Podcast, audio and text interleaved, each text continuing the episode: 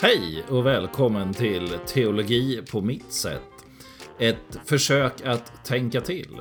I den här podden så kommer jag att berätta för dig om mina tankar kring teologi, kristen tro, församling, kyrka och ibland kanske livet i allmänhet, men framförallt med fokus på Bibeln och dess berättelser. Nu kör vi! Jag tillhör de som tycker det är viktigt att läsa Bibeln. Den har alltid funnits med i mitt liv, ända sedan jag som barn stavade mig igenom Bibeln i bildserie, Gamla Testamentet och Barnens Bibel. Berättelserna fascinerade mig, upprörde mig och hjälpte mig att tolka världen och mitt liv. Allt för länge levde jag på de berättelser jag lärt mig som barn med barnets tolkning av dem. Där fanns Noa och hans ark, Simson och hans åsnekäke, Jehu med håret som fastnar i en gren och Salomo som är på väg att dela ett barn. Kungar, profeter och krigare fyllde min värld. Ja, inte bara de förstås. Där fanns också Drutten och Gena, professor Baltasar och John Blund. Den stora skillnaden var att de här andra, bibliska berättelserna var mina. Jag var en del av dem och de en del av mig. Allt sedan dess så har detta varit min utgångspunkt, min grundtanke. Abraham, Isak och Jakob är mina förfäder lika viktiga som Gustav, Nils och David. Paulus vittnar om den Jesus som levde sida vid sida med mig genom hela min barndom och ungdomstid, som fortfarande är en levande del av mitt liv och som är min Herre och Frälsare. Ibland får jag frågan i samband med bibelstudier om Bibeln är sann. Oftast går den frågan ut på om allt det som berättas i Bibeln har hänt på riktigt. Är skapelseberättelserna sanna? Är Jobs bok sann? Jonas äventyr i valfiskens buk? Jungfrufödseln när Jesus gick på vattnet? Jag brukar svara med en motfråga. Är filmen om Bambi sann? Och det är den ju inte. Om man menar med det att den skulle berätta om hur djur faktiskt lever i skogen. Ett rådjur, en kanin och en skunk blir inte bästa vänner. Men om vi istället ser berättelsen som att den handlar om hur det är att växa upp utan sin mamma med en svåruppnåelig och frånvarande pappa, då blir det en helt annan sak. Då kan Bambi vara en helt sann berättelse. Och för min del är Bibeln sann på Bambi-sättet i alla sina delar. Att avkräva berättelserna en sorts överdriven historicitet kommer inte hjälpa oss att förstå Bibeln. Att betrakta kyrkan och teologin som ett avslutat, färdigt kapitel är betydligt farligare för mig än att säga för mig betyder det här att det är allt för många bokstavstroende gör, de som säger att Bibeln är färdig och klar, det är att upphöja sin Guds erfarenhet till allmän sanning. Man låter jaget och viet flyta ihop och sätter sig själv till måttstock. I ärlighetens namn tycker jag nog att det andra diket innehåller allt för mycket av att låta jaget bli Gud, utan något vi överhuvudtaget.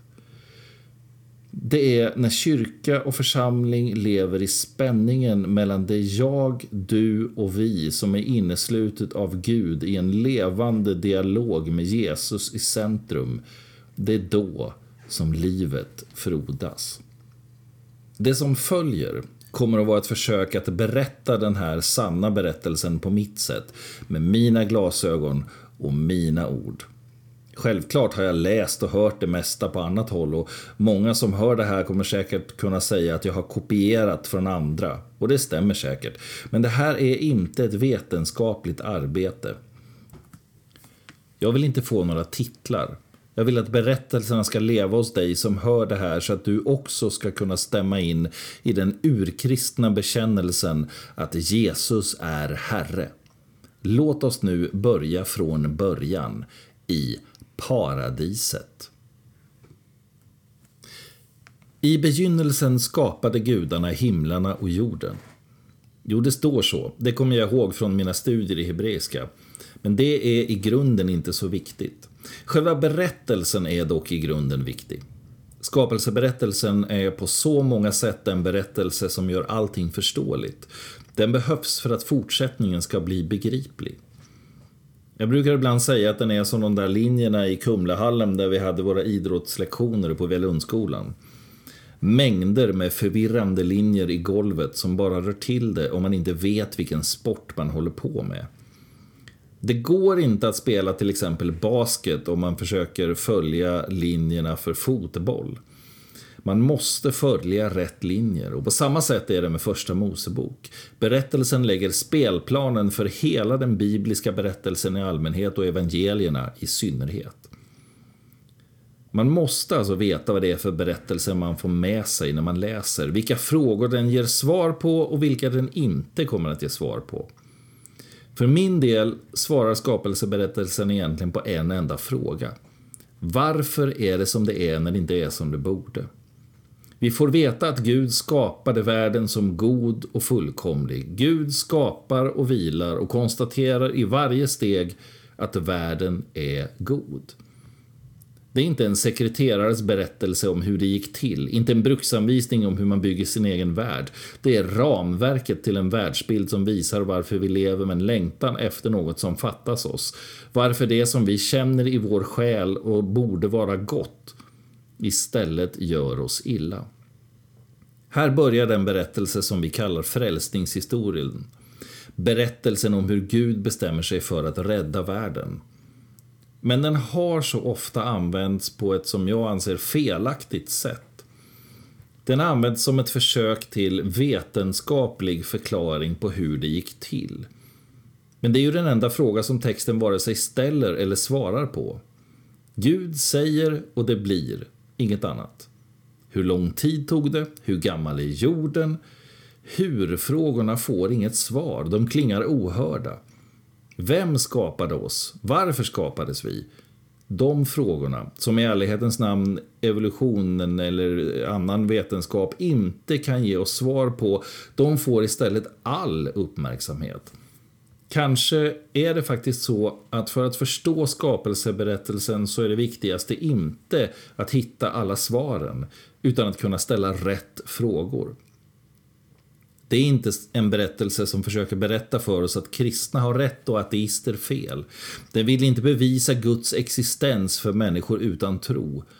Berättelsen förutsätter att vi tror och vill berätta om hur Gud verkar i den här världen.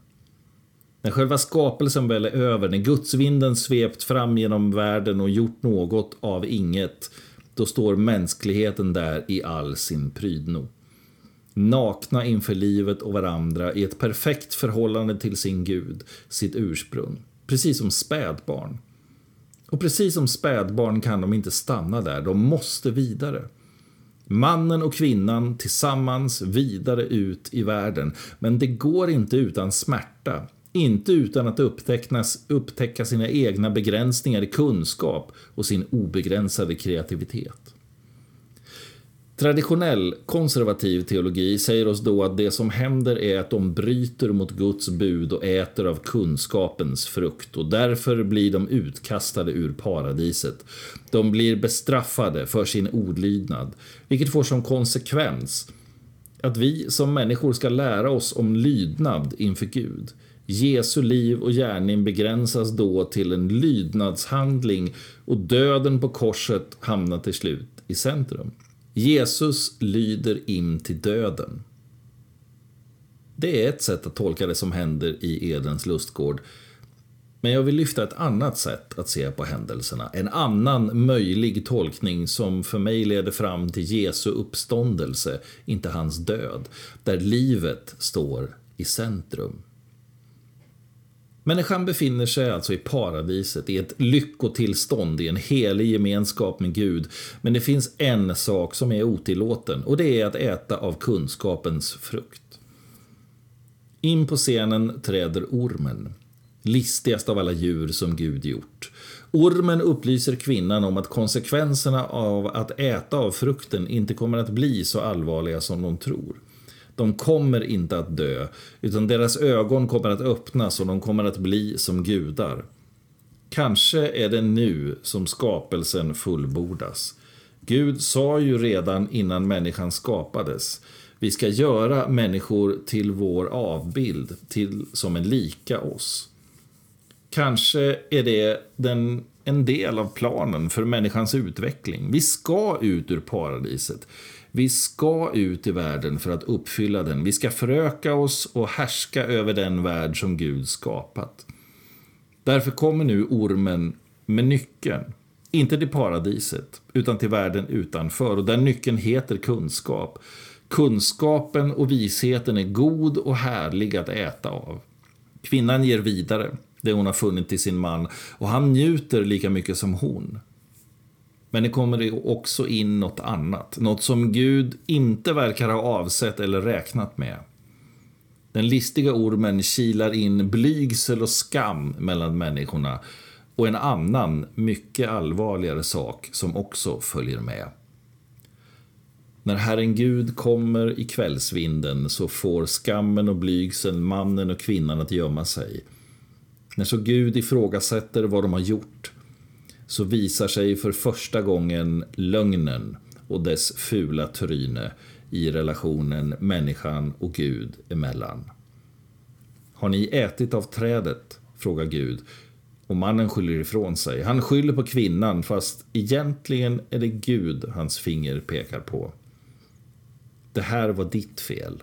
Du satte kvinnan här hos mig. Hon där som du har ställt vid min sida. Hon var det som gav mig så att jag åt. Det är ditt fel, Gud. Gud vänder sig till kvinnan och hon skyller på ormen. Så Gud väljer dem att få som de säger att det är. De får konsekvenserna av sina lögner, men Gud tar också ansvar för deras skam och ger dem kläder att ta på sig och konstaterar nästan lakoniskt att nu har de blivit som en av oss. Skapelsen är klar och det är dags att de lämnar boet. På så sätt kommer människan ut i världen, men lögnen och skammen smyger med. Och det är dödliga följeslagare vi skaffat oss. Kanske till och med skapat oss. För berättelsen om världens skapelse är inte färdig. Vi avslutar den nästan alltid i vår tankevärld med keruberna och deras ljungande svärd som bevakar ingången till Edens lustgård. Men berättelsen om de första människorna fortsätter. Syndafallet har ett steg till att gå och Gud tänker försöka stoppa lögnens och syndens konsekvenser. Och misslyckas faktiskt tre gånger. Det sista steget som kommer med lögnen och skammen är syndens lön, döden. Det kommer med människornas barn, Kain och Abel. Kain verkar leva med skam och avundsjuka och synden ligger vid hans dörr och han lever ut den.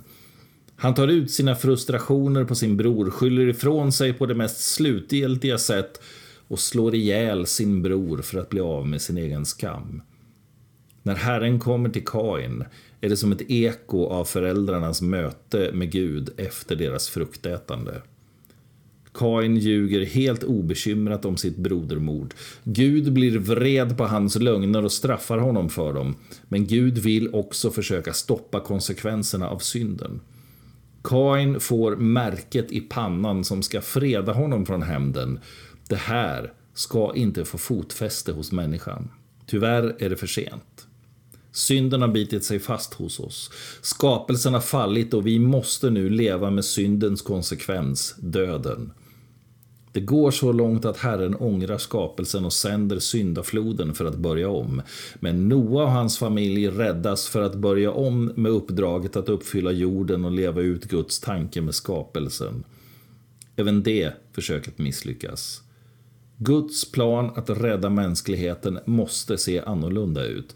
Den måste gå mer på djupet. Synden har skadat relationen mellan människa och Gud och den måste byggas upp igen. Det kommer ta tid. Lång tid. Relationen måste också levas och för det behövs det ett par människor som är villiga att ge sig ut på den här resan med Gud. Bland alla människor som finns i vår urhistoria väljer Gud ut Abraham och Sarai. Mer om dem nästa gång.